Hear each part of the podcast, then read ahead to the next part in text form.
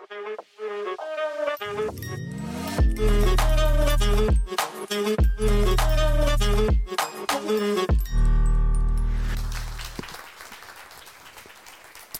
så hemskt mycket. Fantastiskt roligt att få vara här.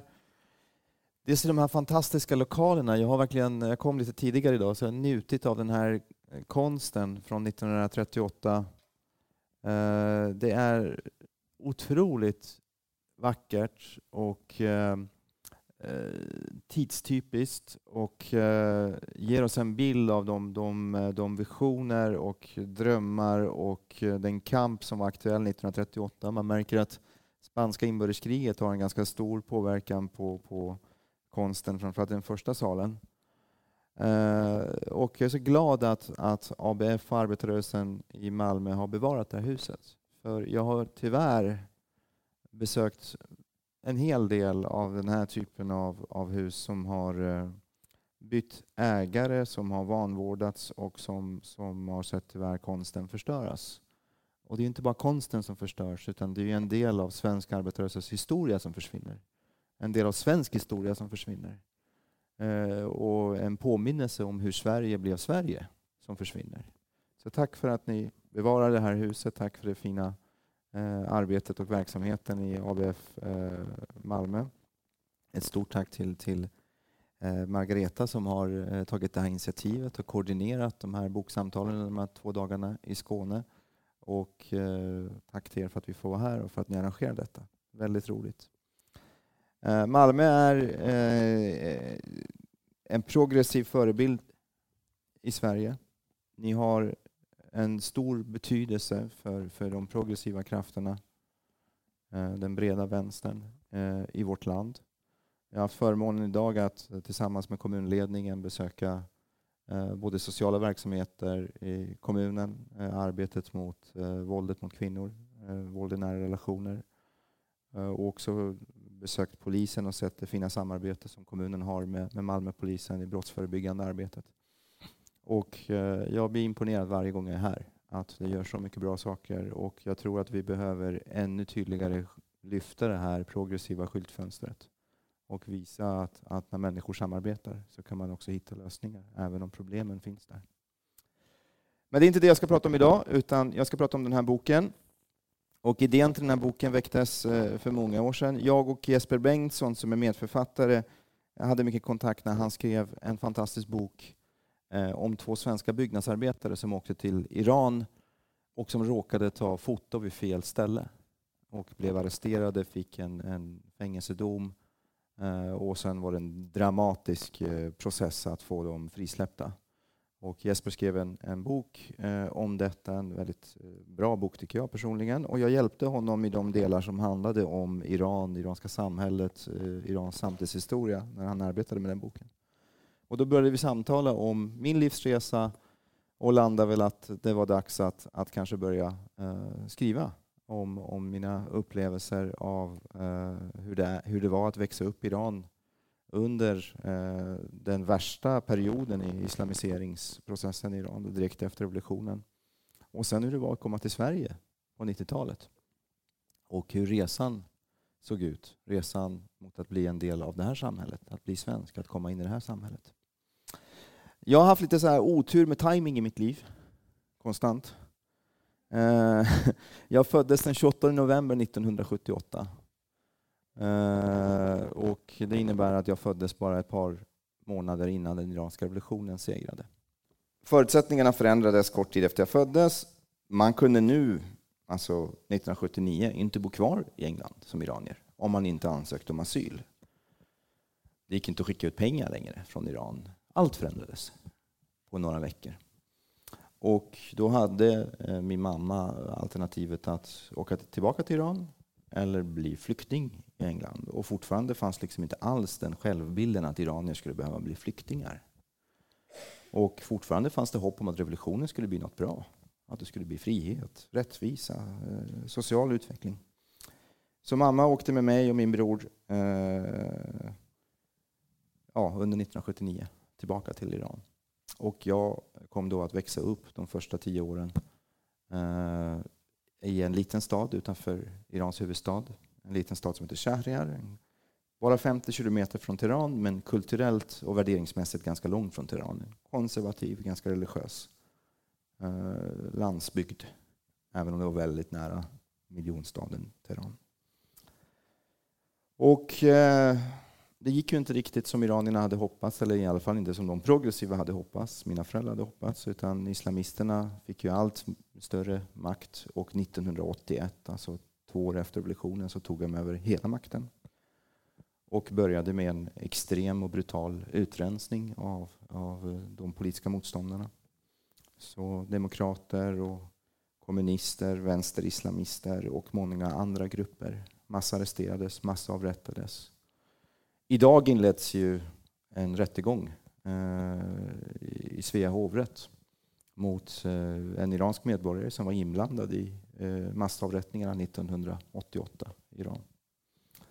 Och det är bara ett exempel på extremt våld och, och brutalitet som användes mot, mot politiska motståndare redan från början, men framför allt efter 1981. Och eh, I samband med det så börjades också en, en, en, en, islamiseringsprocess. Lagstiftningen förändrades. Kvinnors rätt, rättigheter begränsades. Kvinnors rätt att resa utomlands, kvinnors rätt att skilja sig, kvinnors rätt att välja yrke och många andra rättigheter avskaffades eller begränsades. Eh, tvånget att bära slöja infördes. Eh, det blev förbjudet för kvinnor att utöva idrott offentligt. Det blev förbjudet att dansa. Det blev förbjudet att lyssna på glad musik. Det mesta blev förbjudet i Iran kan man säga under 80-talet. Och det var ju liksom en omvandling, för Iran hade ju varit ett, ett fritt samhälle va? i den meningen. Inte politiskt, men socialt och kulturellt. Så det var med våld som man tvingade på kvinnorna, eh, de sekulära kvinnorna, slöja. Det var med våld som man förbjöd musik. Det var med våld som, som lagarna förändrades. Man införde steningsstraff. Alltså att folk skulle stenas till döds om man begick eh, äktenskapsbrott. Eh, piskrappar. Och, eh, Iran gick från att vara ett, ett av Mellanösterns mer moderna sekulära länder att på några år då bli ett samhälle som hade medeltiden som förebild. Eh, och den här omvandlingen råkade jag och, och miljoner iranier uppleva under 80-talet. Och jag kan bara ta några exempel på hur jag hur som ett barn kunde uppleva det här som jag lyfter i boken. Jag gick då i Iran i förskola, vilket var ganska ovanligt i Shahriar, men eftersom min mamma jobbade som studierektor så hade jag rätt till förskola, så jag gick i förskola. Och det var liksom en ganska modern förskola som hade byggts på 70-talet under shahens tid. Men så minns jag då att en dag kom det byggnadsarbetare till, till gården utanför och de hade med sig tegelstenar i en stor lastbil och så fick vi lämna byggnaden. Vi fick leka ute i gården, på gården och så byggde byggnadsarbetare en mur rakt igenom förskolan. Och när vi kom tillbaka in i byggnaden så sa de att vi inte fick leka med tjejerna någon mer utan då hade man separerat förskolan mellan tjejer och killar. Och det var en del av könsseparationsprogrammet eh, som, som genomfördes i början av 80-talet. Man könssegregerade skolor, bussar, idrottshallar, ja, vad ni än kan tänka er. Det skämtades om att de skulle dra med mur rakt genom städerna också och, och dela upp städerna, men det gjorde de inte, tack och lov. Men, men i princip allt. Besatta, islamisterna är besatta av att begränsa kvinnors rättigheter och begränsa umgänget mellan män och kvinnor. Lite svårt att förstå varför de är så besatta av det och varför de är beredda att betala ett ganska högt pris i form av motstånd för att just detta ska införas. Men just kvinnor och, och kvinnors kön är de besatta av. Det är någonting som är för mig helt ofattbart faktiskt. Varför det liksom blir den stora drivkraften. Men det var inte bara kvinnorna de gav sig på, utan religiösa minoriteter, i skolan så började man också med, med indoktrinering och, och eh, propaganda. Man rensade ut lärare som var oliktänkande. Vi fick propagandalärare som blev ansvariga för att se till att skolan var liksom, eh, någon eh, Eh, ja, fostranscenter. Liksom, där man ska liksom fostra de nya medborgarna i Iran som skulle bli goda islamister. Eh, de här propagandalärarna hade också uppgift att bli vän med eleverna för att på så sätt få information om familjerna. Så man liksom satte igång också ett system för att möjliggöra angiveri inom familjerna. Man är normalt inte vän med sin lärare i Iran, det är ganska strikt. Men de här lärarna var, ansträngde sig för att få en informell kontakt för att på så sätt få så mycket information som möjligt om hur våra föräldrar betedde sig hemma och så. Det, det går liksom inte att, att förstå hur ett samhälle kan förändras så snabbt. När jag höll på med boken så, så kunde jag själv liksom inte ta in att det gick så fort. Och att trots att människor gjorde motstånd, väldigt många människor gjorde motstånd, så valde också väldigt många människor att anpassa sig ganska fort. Eh, mina föräldrar de, de, de levde liksom glada 70-talet och åkte ofta till eh, Kaspiska havet som då hade fantastiska stränder och, och badhotell och sådär på shahens tid. Och de hade ett favorithotell som hade byggts i slutet av 70-talet och som hade besökt ett antal gånger innan revolutionen, Hotel Height vid Kaspiska havet. Och så ville de ta mig och min bror då till det här hotellet efter revolutionen för att visa liksom, och det här hotellet hade ju haft kasino, bar, poolområde. Alltså ni kan tänka er en klassisk liksom, modern badanläggning. Liksom. Och så kommer vi till det här hotellet och då har ju kasinot självklart stängts ner. Och det kanske jag inte sörjer. Jag var ju spelminister och gillar inte spel. Eh, men baren hade också stängts ner och, eh, och det hade, baren hade omvandlats till en propagandautställning där man hade satt upp en fontän med rött vatten som skulle föreställa blod, martyrernas blod. Poolområdet hade stängts ner för man skulle ju liksom inte kunna se då folk ur det motsatta könet som, som, som bada. Men det mest bizarra och en av de starkaste bilderna jag har med mig från, från uppväxten i Iran det är att de hade satt upp ett, ett högt skynke liksom, som började vid poolområdet och gick ut 50 meter ut i havet för att dela stranden mellan män och kvinnor. Eh, och det kan inte ha varit en lätt anordning att liksom eh, sätta upp. Men, men de anstränger sig otroligt mycket för att också separera, könsseparera stränderna. Så vi kunde inte bada med min mamma om hon inte badade i en, i en svart slöja i havet. Vilket naturligtvis hon inte gjorde. Ehm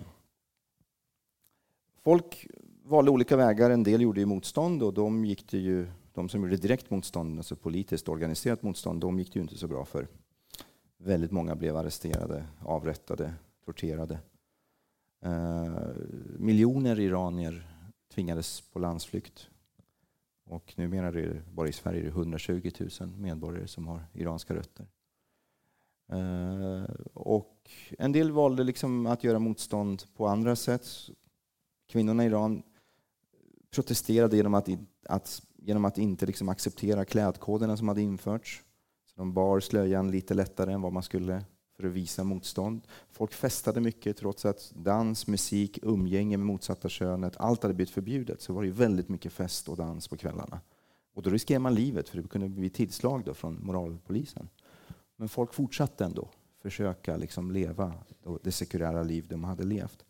Och i det professionella så gjorde folk motstånd. Vi hade många lärare som ändå inte sa rakt ut att de var motståndare till regimen men, men försökte agera på ett annat sätt. Och min mamma var en av dem som verkligen försökte balansera mellan regimens krav och det liv och de värderingar som hon trodde på. Det där höll ju ett tag till 1989 och då fick hon sparken för att hon inte var lojal med regimen. Och det fick liksom väldigt många, framförallt skolanställda, gå igenom.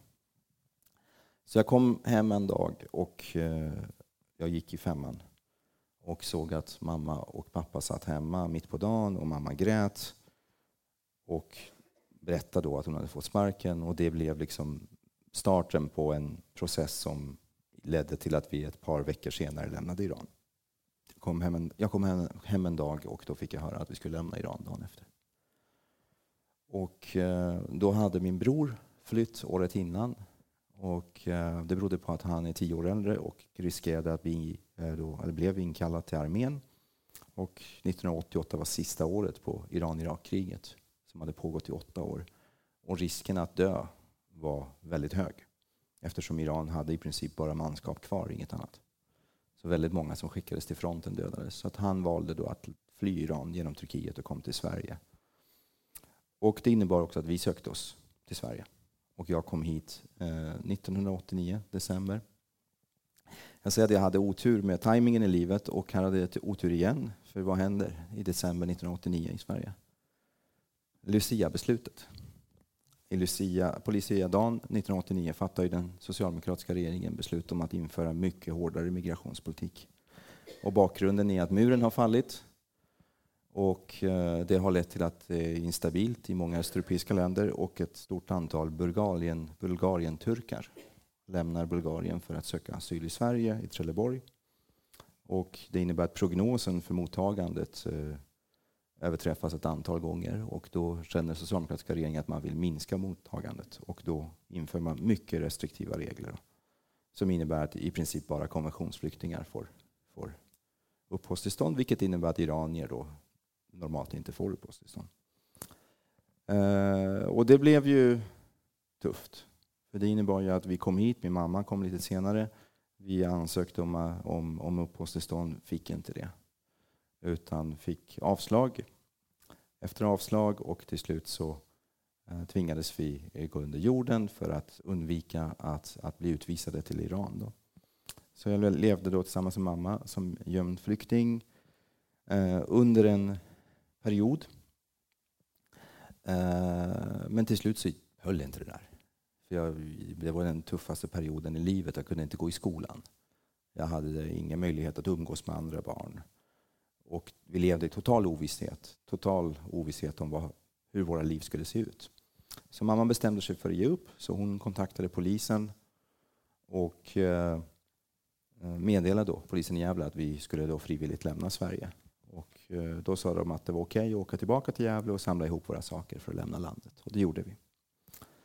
Så eh, september 1991 åker vi tillbaka till Gävle för att samla ihop sakerna för att lämna landet för att hitta ett tredje land och, och söka skydd i. Och mina föräldrar övervägde Kanada för det var många iranier som då åkte till Kanada.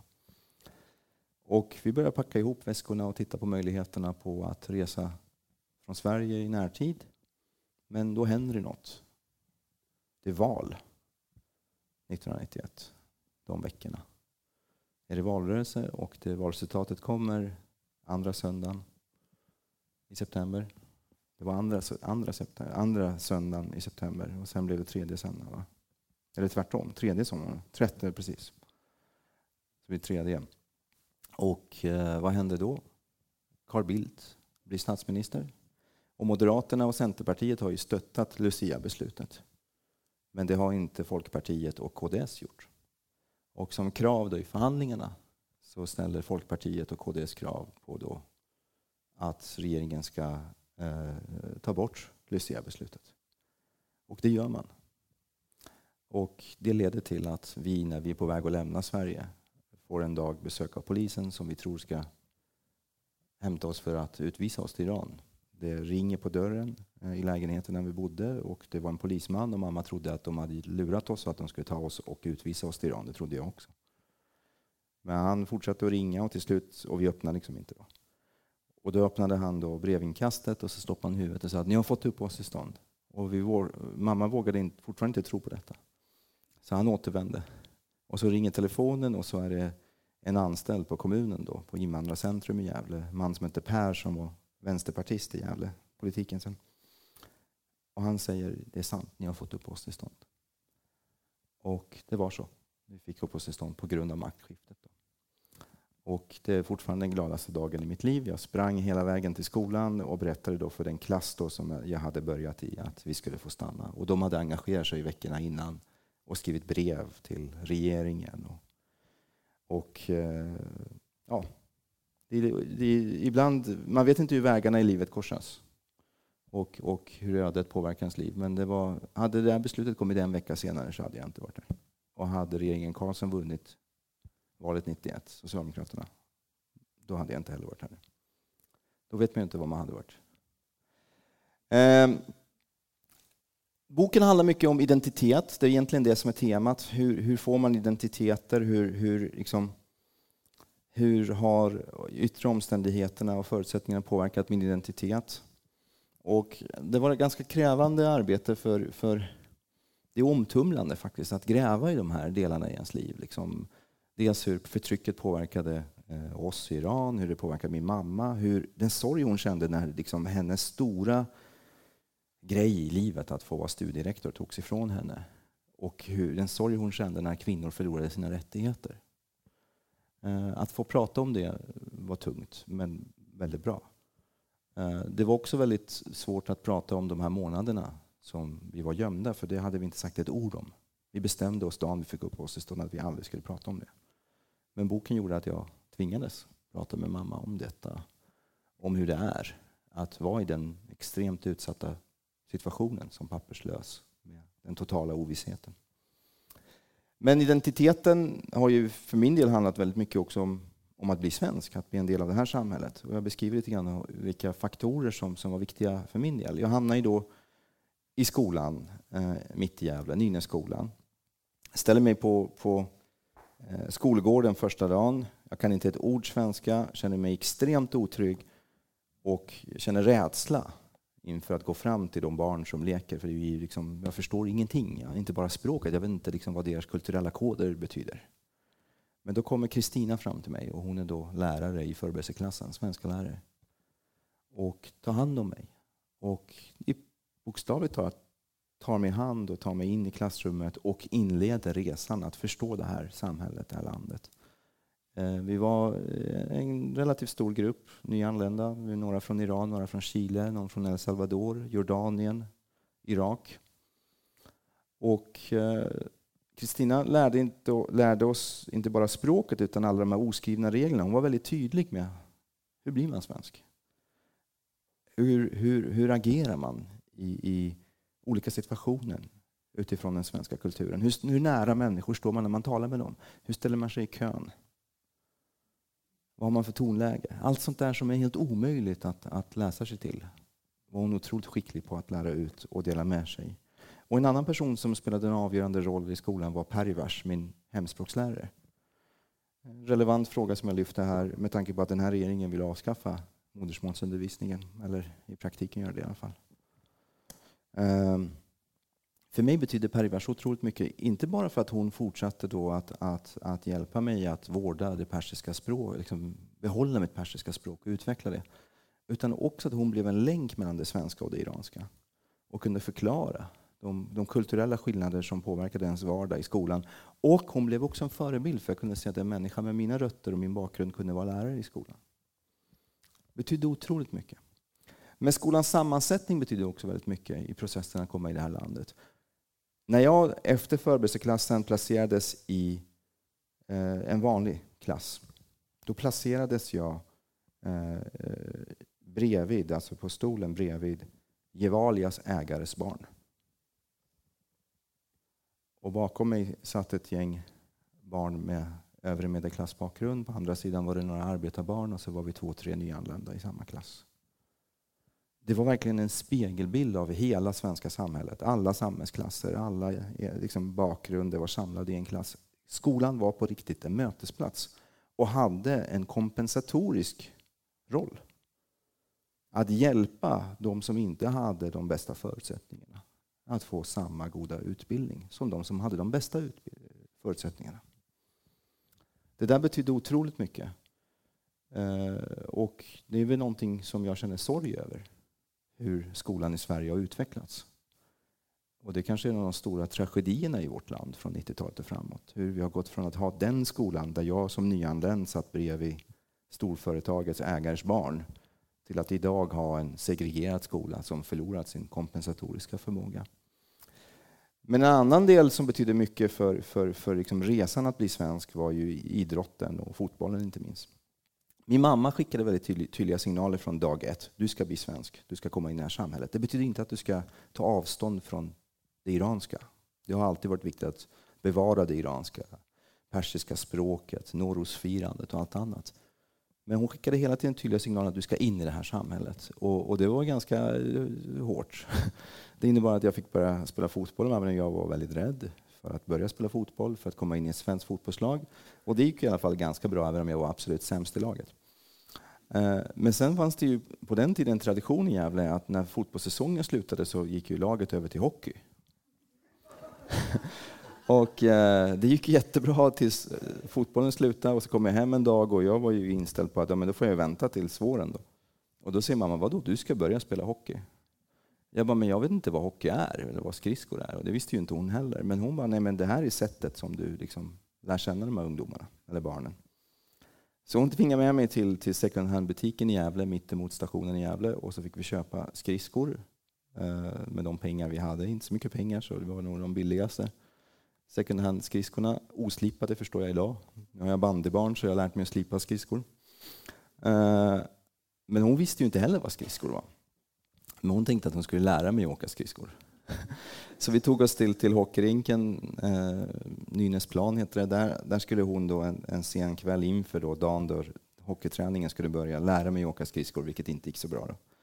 Så dagen efter kommer vi till, till, till, till eh, träningen och tränaren är en väldigt ödmjuk man så han tar emot oss vänligt och så ska han då på ett ödmjukt sätt visa att det här inte går. Så han hjälper, på mig, hjälper mig att ta på mig skridskorna och sen så hjälper han mig runt hockeyrinken.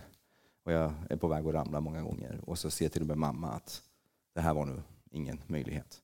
Jag skämdes ju som fan då, så det måste jag säga. Det är det värsta jag har gjort. Men jag vill berätta det här för det är liksom ganska bra beskrivning av hur hårt hon anstränger sig för att jag skulle bli en del av det här samhället och hur viktigt det var att, att få de signalerna. Och också få signalen om att det inte stod i motsats, motsatsförhållande till mina rötter och min bakgrund. Men det som egentligen till slut avgjorde att jag började känna mig som svensk, som en del av det här samhället, var SSU faktiskt. För dagen jag gick med i SSU, och det var en folkpartist som fick mig att bli socialdemokrat, det var Peter Örn som var på vår skola och jag gick in och började lyssna på honom och kände wow, man kan påverka politiken. Det var, ju det var en wow-känsla på riktigt, som 14-åring. Men sen så valde man självklart inte Folkpartiet, utan man gick med i partiet. Eh, men eh, den dagen gick jag från att vara invandrare i Nardalan i skolan till att bli SSU-are i Nardalan i skolan. Och jag beskriver lite i boken också hur identiteter kan förändras och hur vi tillskrivs identiteter och egenskaper med anledning av identiteterna och hur viktigt det är att få möjligheten och rätten att själv välja identitet och identifiera sig och sina, Eh, det man vill sammankopplas med. Eh, det var otroligt viktigt. Och för mig har det politiska engagemanget varit en, en, ett engagemang som har lett mig in också en ny identitet i det här landet och som öppnade många nya dörrar eh, in i det här svenska samhället. Eh, boken handlar inte alls om, om, min tid som minister men däremot om resan under de här eh, åren då politiska engagemanget påverkade mig i väldigt stor utsträckning. Men det finns några nedslag också eh, från ministeråren. Det handlar om den här svåra hösten 2015 då vi la om migrationspolitiken som var väldigt svår för mig för jag var då kommunminister eller civilminister med ansvar för kommunerna så jag kom direkt i kontakt med de kommuner som påverkades eh, väldigt mycket av det stora mottagandet. Och det var uppenbart att det inte var hållbart. Samtidigt så hade jag självklart bakgrunden som gömd flykting och flykting. Så det var väldigt svårt att landa i vad som var rätt. Oftast i livet så vet man vad som är rätt, sen kanske man inte kan göra rätt för att det är svårt eller det finns många olika skäl. Men i det här fallet visste jag inte riktigt vad som var rätt. Så det blev så jobbigt till slut så att jag ringde till Antje Jackelén, då, dåvarande ärkebiskopen som jag hade kontakt med. Och jag bad om hjälp. Hur landar man i vad som är rätt och fel? Och då fick jag hjälp av henne att hitta då en sjukhuspräst som var utbildad i konsekvensetik. Så han kom till Finansdepartementet en dag och så satte vi oss och gjorde en konsekvensetisk analys av vad de olika vägarna, alternativen, skulle få för konsekvenser helt enkelt. Och jag landade i att det var rätt att ställa sig bakom en hårdare migrationspolitik, även om det var väldigt svårt. Eh, jag beskriver lite grann om, om hur svårt det är och hur, hur, hur, hur viktigt det är att man erkänner att, att ibland är det svårt ibland står intressen mot varandra och att man måste vara ödmjuk inför den, den, den svårigheten och sårbarheten som det innebär. Och att vi borde prata lite oftare om intresseavvägningarna, om den sårbarhet som finns i politiken. Att vi borde vara öppna med det. Sen gör jag ett annat nedslag som är kanske relaterat till det som händer i Iran just nu. Och det är att ja, jag blev då politiskt aktiv 1994 och sen ordförande i SSU och Sen kom jag i riksdagen och sen blev jag minister. Men under alla de här åren hade jag inte mött någon från den iranska regimen. Jag hade en gång sett iranska ambassadören på gatan i Uppsala. Men annars hade jag liksom, det var liksom ett avslutat kapitel. Och motståndaren. Liksom. Men 2016 då hade Sverige då besök av Irans utrikesminister och det här är ju anslutning till att atomenergiavtalet har slutits mellan västvärlden och Iran och hela västvärlden öppnar dörrarna för Iran. Eh, och då kommer också utrikesministern hit då för nya avtal och, och samarbeten. Och eh, Stefan Löfven, statsministern, ber mig att vara med på det mötet. Så en dag då får, gå, får jag gå upp på morgonen och jag får ta på mig flugan som en markering, för flugan var ju förbjuden då i Iran under 80-talet. det var viktigt också att jag brukar aldrig raka mig så här med rakhyvel, men det var ju någonting man inte fick göra för islamisterna. Så jag tänkte den här morgonen ska jag nog raka mig med rakhyvel. Och var nyrakad. Så jag går dit och det var med väldigt många blandade känslor. Dels känner jag en enorm stolthet över att sitta där, stå där när han skulle komma in och påminna honom att ja, ni tvingade oss till flykt, men här står jag som en del av en regering i detta land som du besöker. Det kändes som att de inte vann, att det var revansch. Men samtidigt var det också väldigt svårt att träffa de människor som har tvingat oss på landsflykt. Men vi möts och vi sätter oss i rummet. Det där var inte lätt. Så, nu. Eh, och eh, så inleder Stefan Löfven samtalet. Och den veckan hade ett antal fackligt aktiva i Iran blivit arresterade och, och piskade för sitt fackliga engagemang. Och Stefan Löfven inledde med att berätta att han var en gammal svetsare och fackligt aktiv i fackförbundet Metall och att han beklagade att iranska regimen behandlade arbetare och fackliga på detta sätt. Och sen framförde han kritik i frågan om mänskliga rättigheter.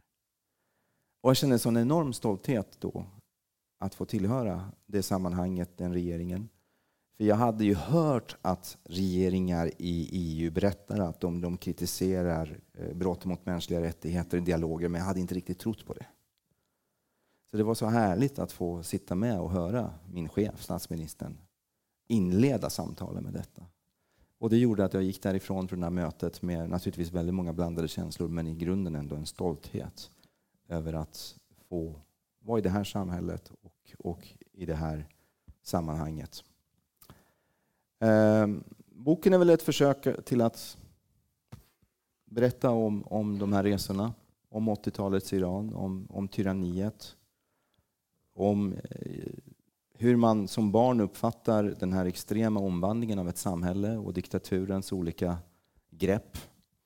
Och sen hur det är att komma in i ett samhälle, att bli svensk. Hur det är att göra den resan. Och de svårigheter som man möter. För när man väl hittat sin egen identitet så inser man efter ett tag också att alla inte accepterar den identiteten. Utan att det finns människor som inte tycker att en sån som jag kan bli svensk. Eh, och jag beskriver också lite det, hur man möter de motgångarna och, och svårigheterna. Jag hade ingen aning om att den här boken skulle komma ut eh, samma vecka som protesterna i Iran började. Självklart. Men nu blev det så. Och eh, jag beskriver avslutningsvis resan som man går igenom när protester börjar i ens tidigare hemland. Det är inte bara Iran, det är många olika grupper som har gått igenom detta. Det är hemskt, för man känner hopp och man känner glädje över att människor är så fantastiskt modiga eh, och gör allt de kan för att förändra sitt samhälle och trotsa diktaturen. Men sen kommer regimens brutalitet och dödande och då känner man eh, sorg, man känner frustration, man känner vanmakt. Men det svåraste är att man kastas mellan två olika verkligheter. Man sitter på kvällarna och morgnarna och, och följer protesterna i Iran. Jag beskriver hur det påverkar en. Att, att eh, på sociala medier se människor dödas och eh, hur det påverkar en när, när man känner den vanmakten av att se eh, våldet mot oskyldiga människor. Och sen så ska man sköta sin vardag här. Jag ska se till att mina barn går till skolan eller att jag ska sköta mitt uppdrag eller gå på ett föräldramöte. Och det hoppet mellan olika verkligheter tär på en otroligt mycket faktiskt. Eh, och det skildrar jag i, försöker jag skildra i en, ett av kapitlen. Men jag hade ingen aning om att det skulle då komma ut en period där de största protesterna i Irans moderna historia pågår. Eh, jag svarar väldigt gärna på era frågor och lyssnar väldigt gärna på era tankar. Och eh, tack så hemskt mycket för att ni är här.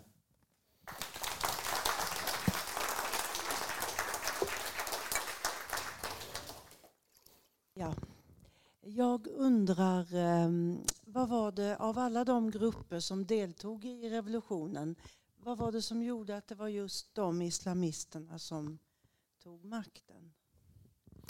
Ja, det, det, det, är en av de stora frågorna egentligen. Eh, och det har bedrivits ganska mycket vetenskaplig forskning på det temat eh, i västvärlden.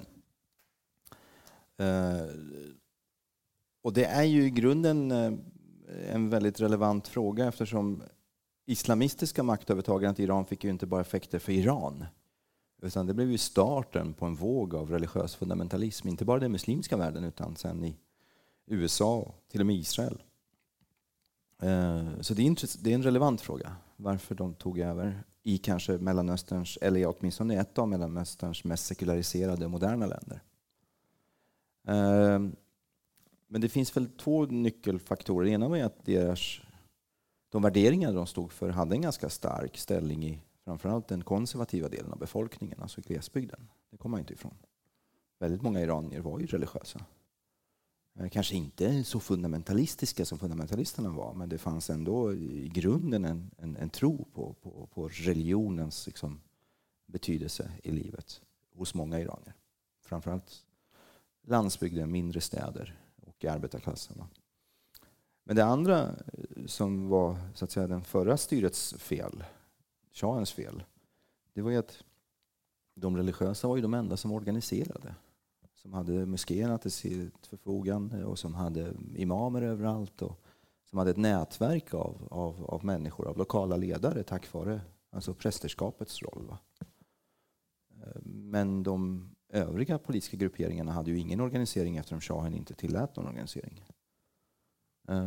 De var väldigt splittrade.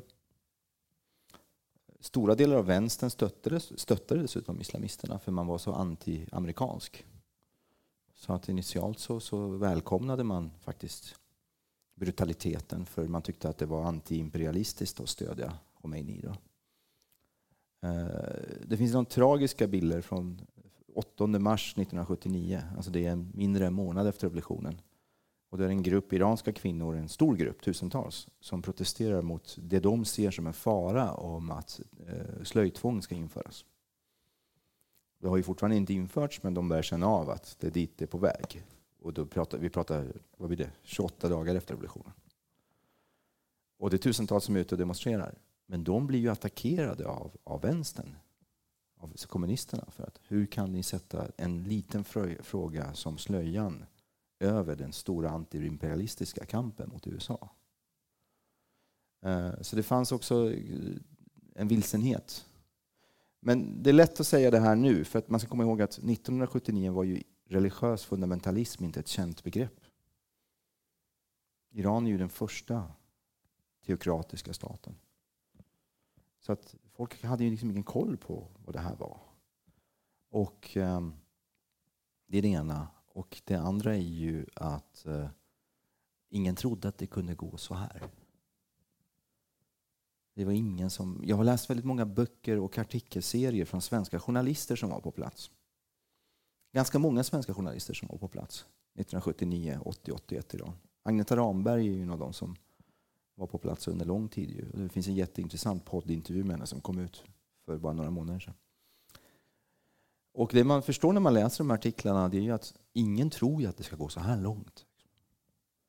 För man har ju liksom bilden av hur, av hur Iran var innan revolutionen. Så ingen kan föreställa sig att det här landet där folk har varit på disco och liksom haft fester på stränderna och rört sig fritt i samhället ska bli ett land där man på fotbollsarenor stenar ihjäl kvinnor. Eh, så det är också att ibland kan vi inte föreställa oss hur, hur fort ett samhälle kan backa. Och därför så släpper vi garden. Eh, och det är en relevant lärdom också här ju, tyvärr. Utan att dra allt för många paralleller. Ja, um, jag tänkte på det när du berättade här om skolan, att lärarna ville bli dina vänner för att det här med angiveri. Det är ju väldigt svårt att inte dra, alltså tänka i samma hur samhället är idag, vad Sverigedemokraterna vill med angiveri och det ska vara hårdare och du ska åka tillbaka. Och det är ju liksom samma ord som du upplevde då som kommer tillbaka i deras tänk idag. Hur känner du liksom inför det? Liksom? Nej, men jag, jag, jag, jag, tänker, först ska jag säga, jag drar inga generella paralleller mellan Sverigedemokraterna och, och islamisterna i Iran. För även om det finns mycket i Sverigedemokraternas politik som jag är väldigt kritisk till så är det ändå långt ifrån det jag upplevde där. Men det finns saker som väcker ändå Eh, känslor eh, och, och river upp sår. Och det här med angiveri är en sån sak, absolut. Men det som kanske gjorde att jag, faktiskt enda gången jag började nästan gråta, det var när Sölvesborg efter Sverigedemokratiska maktövertagandet efter förra valet då bestämde sig för att eh, sluta köpa in utländska böcker. Det skriver jag i boken. Alltså eh, språk, böcker på andra språk än svenska. För det, det gick ju vår lilla, vårt lilla bibliotek i Shahriar igenom. Alltså jag kommer ihåg att de började bära ut böcker och sen så kom de tillbaka och bar ut ännu fler böcker. Och att man skulle få uppleva sånt i Sverige, det är ju kanske långt ifrån den föreställning jag har haft i Sverige. Eh, med det sagt ska man inte dra allt för många paralleller, för det finns ju många skillnader självklart. Och, och, och sådär, och, och så, men, men det finns saker som ibland gör en rädd. Och jag tycker det är viktigt att, att ändå använder sig av de lärdomar som finns från ett samhälle som Iran. För Iran är ju tyvärr ett brutalt exempel och påminnelse om att samhällsutvecklingen behöver inte gå framåt. Utan det finns ingenting du kan ta för givet. Utan det kan gå bakåt. Och det kan gå bakåt väldigt snabbt på väldigt kort tid. Och det, det jobbiga som jag kan säga här och som jag kanske berör i boken delvis också, det är att vi kan inte föreställa oss hur stor andel av människorna som anpassar sig väldigt fort. För det gör de faktiskt. Det är en del av människans överlevnadsförmåga liksom, också. Men den är ju jobbig på många sätt. Jag tror, det är inte jag som håller i. Så. Mm. Du, berättar, du berättar om Iran då. Ja. Vi har Iran idag. Vad tror du kommer hända med Iran framöver nu?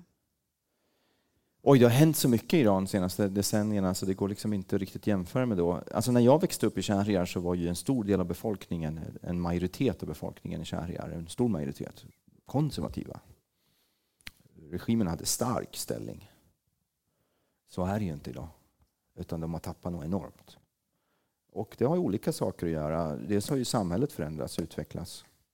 Moderniseringen har trots regimens försök fortsatt liksom, under ytan kvinnorna är väldigt medvetna i Iran, så det finns en mycket stark feministisk rörelse i reaktion mot, mot regimens förtryck. Det har nog omvandlat det iranska samhället väldigt mycket. Eh, när protesterna började i september eh, efter Mahsa Jina Aminis död, eller när regimen då dödade henne i arresten, så började ju kvinnor ta av sig slöjan, tvångsslöjan och sätta eld på slöjan. Bara det i sig kunde jag inte riktigt föreställa mig. Att kvinnor i Iran skulle sätta eld på någonting som är symbolen för religionen. Religionen hade så stark ställning, va? om jag jämför med när jag växte upp. Men sen såg jag bilder på, på ceremonier där kvinnor samlades och satte eld på sina slöjor i de mest konservativa religiösa städerna i Iran.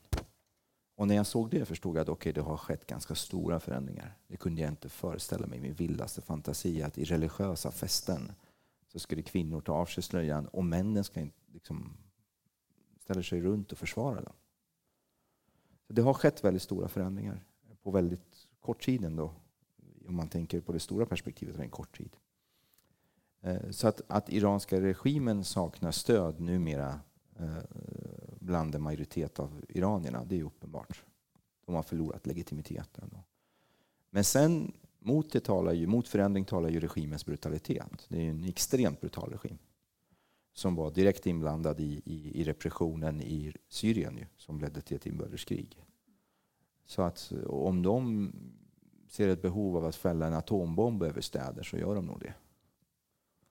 Eh, vilket naturligtvis gör då transformationen svår.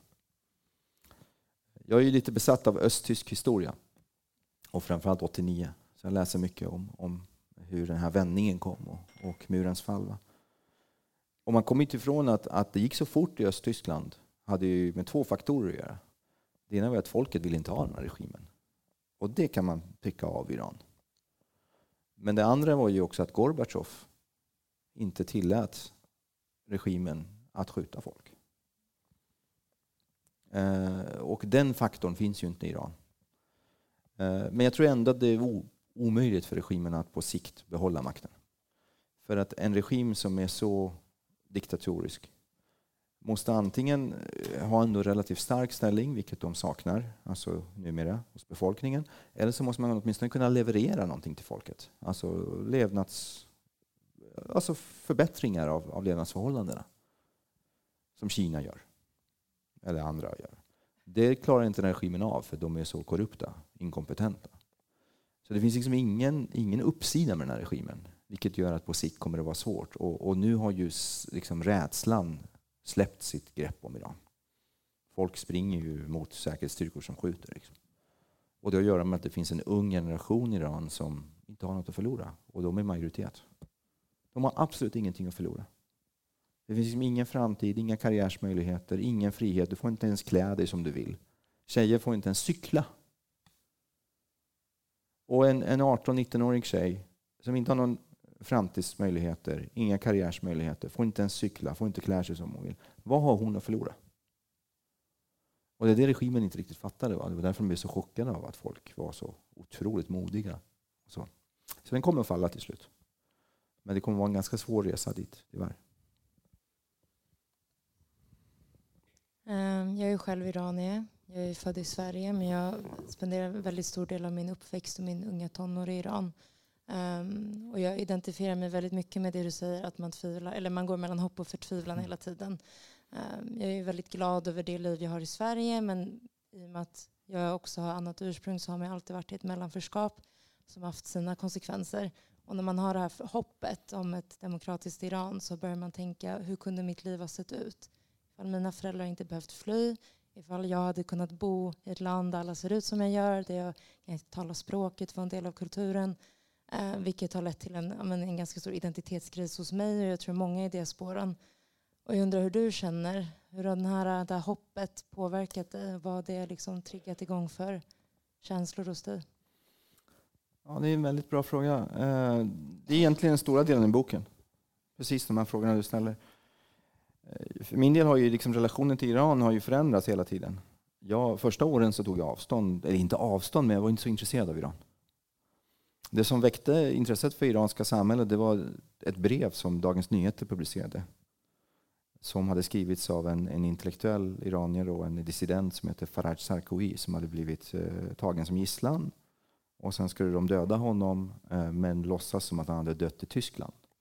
Men han lyckades smuggla ut ett brev om hela den här processen och vad han hade blivit utsatt för. Och Arne Rut som då var kulturredaktör på DN publicerade det brevet. Och jag gick till vårt café utanför skolan och bara öppnade det här. Och så läser jag det här och börjar gråta. Och från och, med den dagen, 1997, har jag följt iransk utveckling. Liksom, och det påverkat mig och den identiteten har stärkts, absolut. Den starkaste känslan rör kanske inte en identitet utan det är en känsla, det är skuld. Man känner att man har skuld gentemot de människor som är kvar som inte har de möjligheter och friheter som jag har. Så man känner ett ansvar. Jag känner ett ansvar gentemot dem. Jag känner ingen mellanförskap på så sätt att jag vill bo där. Det gör jag inte. Det här är mitt land. Jag är svensk och, och, och, och, jag vill bo här. Jag vill inte flytta tillbaka till Iran, även om det skulle bli en förändring. Liksom. Men jag känner ett ansvar gentemot de människor som är där. För att jag har upplevt det. Och, och, och känner att eh, man inte kan eh, vara likgiltig. För de första tio åren förpliktigar. Den kunskapen, den insikten om, om förtrycket, det förpliktigar att bekämpa den. Så det påverkar en väldigt mycket. Bygger inte hela den här regimen på en skrämseltaktik? En liten kärna kan skrämma upp ett helt folk. Mm. Är det inte grunderna till att sådana länder blir diktatur, länder. skulle jag kunna tänka mig. Och vi, vi har ju haft lite sånt i Sverige med Ådalskravallerna. Mm. Där sköt de arbetare. Mm. Det gick inte så långt här. Det var bara det. Mm. Jo då, det är exakt vad det handlar om. Rädslan är, är ju liksom diktaturens främsta tillgång. Och det är därför det också blir problematiskt när rädslan faller, vilket hände då under hösten i Iran. Men, men exakt så är det. Rädslan gör ju att människor inte vågar eh, göra motstånd, öppet motstånd. Eh, och eh, tyvärr så ser man ju sådana tendenser också i demokratiska samhällen. Jag, jag, som civilminister mötte jag väldigt många kommunpolitiker som hade hoppat av. Och varför hade de hoppat av? Jag träffade dem i olika sammanhang. Det var ju på grund av hat och hot i sociala medier. Och även om det är något helt annat än, än, än diktaturens våld så är det ändå samma effekt. Att en människa känner att ska jag, är jag beredd att lägga ner mitt liv på någonting som gör att min familj blir hotad på nätet? Nej, jag slutar. Så rädslan är, är, är ett hot mot demokratin i Iran, men faktiskt också här. Eh, och det ska man ta på allvar. Tryggheten är oerhört central. Liksom. Att människor ska kunna känna sig trygga, att kunna aktivera sig, engagera sig. Det är det demokratin hänger på. Eh, jag vill börja med att tacka för ett otroligt intressant. Jag, jag känner riktigt hur berörd och eh, också hur lärorikt det har varit när man inte själv har den bakgrunden att få lyssna till dig och att du berättar väldigt bra.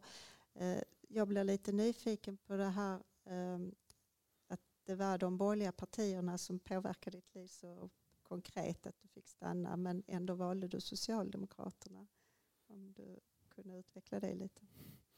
Ja, men det, det och, och, det skriver jag om i boken. För det, det, kan ju låta paradoxalt, men jag tror man måste ändå, när man väljer parti, alltså, så är mitt förhållningssätt i alla fall, redan som 14-åring, men det har nog inte förändrats så mycket.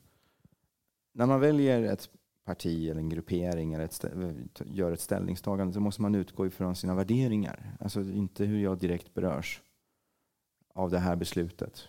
Utan vad är det för värderingar jag vill stå upp för? Och för mig när jag läste på, det här är ju långt innan internets tid, så man fick ju ringa till SSU och, och MUF och vad det var för ungdomsförbunds eh, förbundskontor och så fick de skicka hem sådana här broschyrer. När jag läste de här olika broschyrerna eh, som då folkpartisten Peter Örn rekommenderade mig att jag skulle göra. Så, så kände jag att nej, Socialdemokraternas kombination av, av eller så här, Socialdemokraternas erkännande av att frihet förutsätter jämlikhet. Där kände jag mig hemma. Och sen var ju vänster om socialdemokratin aldrig ett alternativ för liksom det totalitära och, och kopplingen till det totalitära var liksom aldrig aktuellt med tanke på den bakgrund jag hade. Så då blev Socialdemokraterna ett självklart alternativ. Men det finns ju en paradox i detta, för hade inte sossarna förlorat valet 91, ja då hade jag ju inte stått här idag. Så är det ju. Och det, det skriver jag om också. Det, det, det är en påminnelse om migrationspolitikens svåra balansgång. Det finns ju de som inte vill ha någon invandring. Och det är ju liksom SD och gänget. Det är ju inte en majoritet av svenskarna. Och sen vill de som, finns det de som vill ha en fri invandring. Och det är ju absolut inte majoritet. Ju den breda liksom, majoriteten i Sverige den vill ju ha en begränsad invandring som vi klarar av att, att hantera mottagandet för. Och för att ha då en begränsad invandring med asylrätten i behåll, då krävs det att du, du laborerar med regler.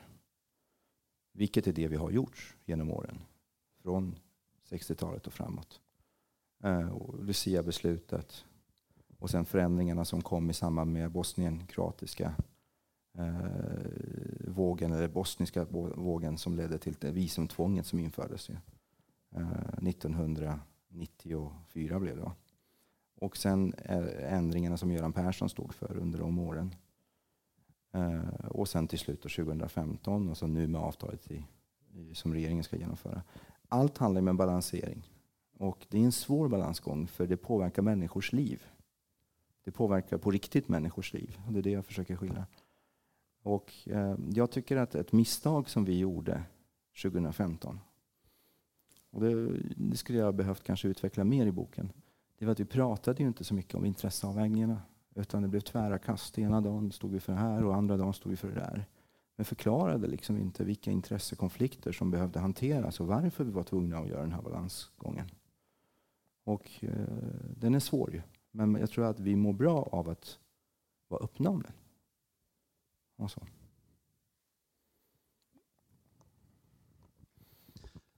Ja, eh, jag är intresserad av hur du har mottagits eh, här i Sverige. Du kom ju hit som barn och eh, jag har läst bok, andra böcker om liknande resor som du har gjort och där finns ju både ljusa och mörka bitar och det saknar jag lite grann här.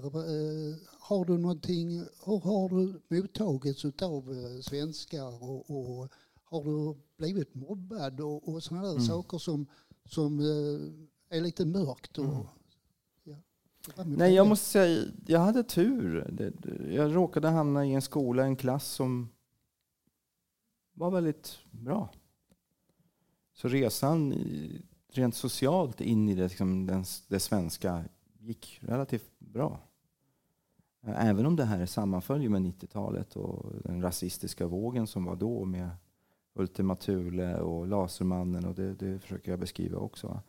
Men, men jag mötte inte särskilt mycket rasism och främlingsfientlighet först när jag flyttade till Uppsala som student.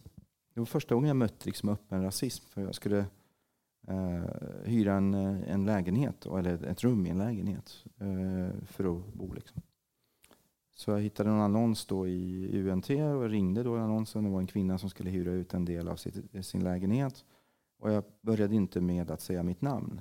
Utan jag sa att hej, jag ringer med anledning av annonsen. Jag är juridikstudent och bla bla bla. Kommer från Gävle. Och så hade vi ett långt samtal och så sa hon att det här låter jättebra. Du får lägenheten. När vill du hämta nyckeln? Ja, men jag kan komma imorgon. Liksom. Ja, men vad bra. Kom den här tiden. Vad hette du förresten? Och då sa jag Ardalan Shekarabi. Och så blev det tyst. Och så sa hon att tyvärr lägenheten är upptagen. Och så la hon på. Det var nog första gången, och det är ganska sent, det är först alltså när jag var 19 år, som jag mötte den typen av rasism. Uh, och sen hände ju det flera gånger. Men, men de här första åren i Gävle, nej, faktiskt inte. Eh, och det är en slump. Jag hade kunnat hamna i ett annat bostadsområde. Och så hade man haft nazister som grannar. Eh, men nu var det inte så. Utan en väldigt, väldigt bra integrationsprocess och, ett väldigt fint välkomnande. Och jag har inga synpunkter på det överhuvudtaget faktiskt. Ja, det, och jag hoppas att fler får den starten.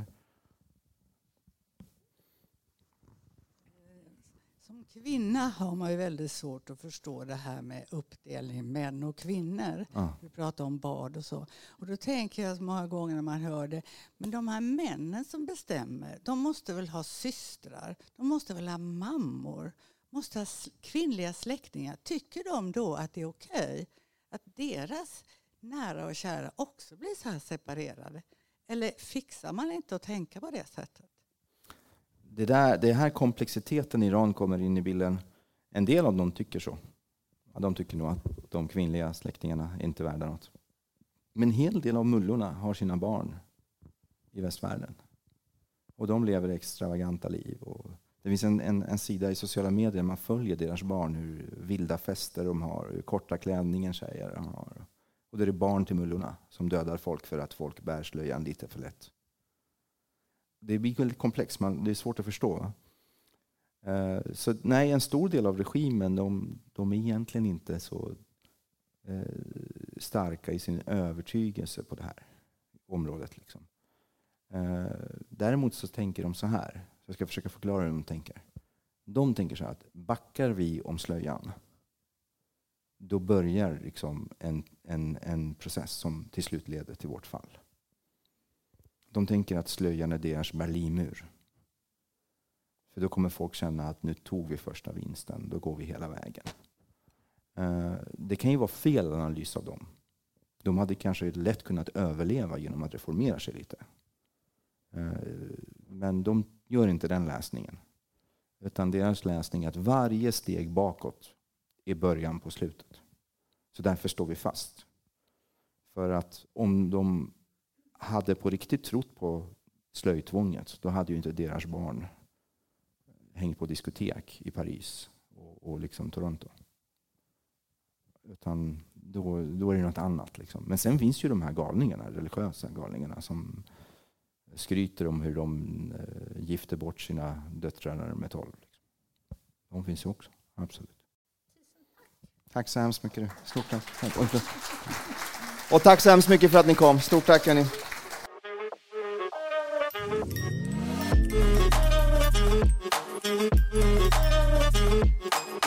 Du har lyssnat på podden Rörelse.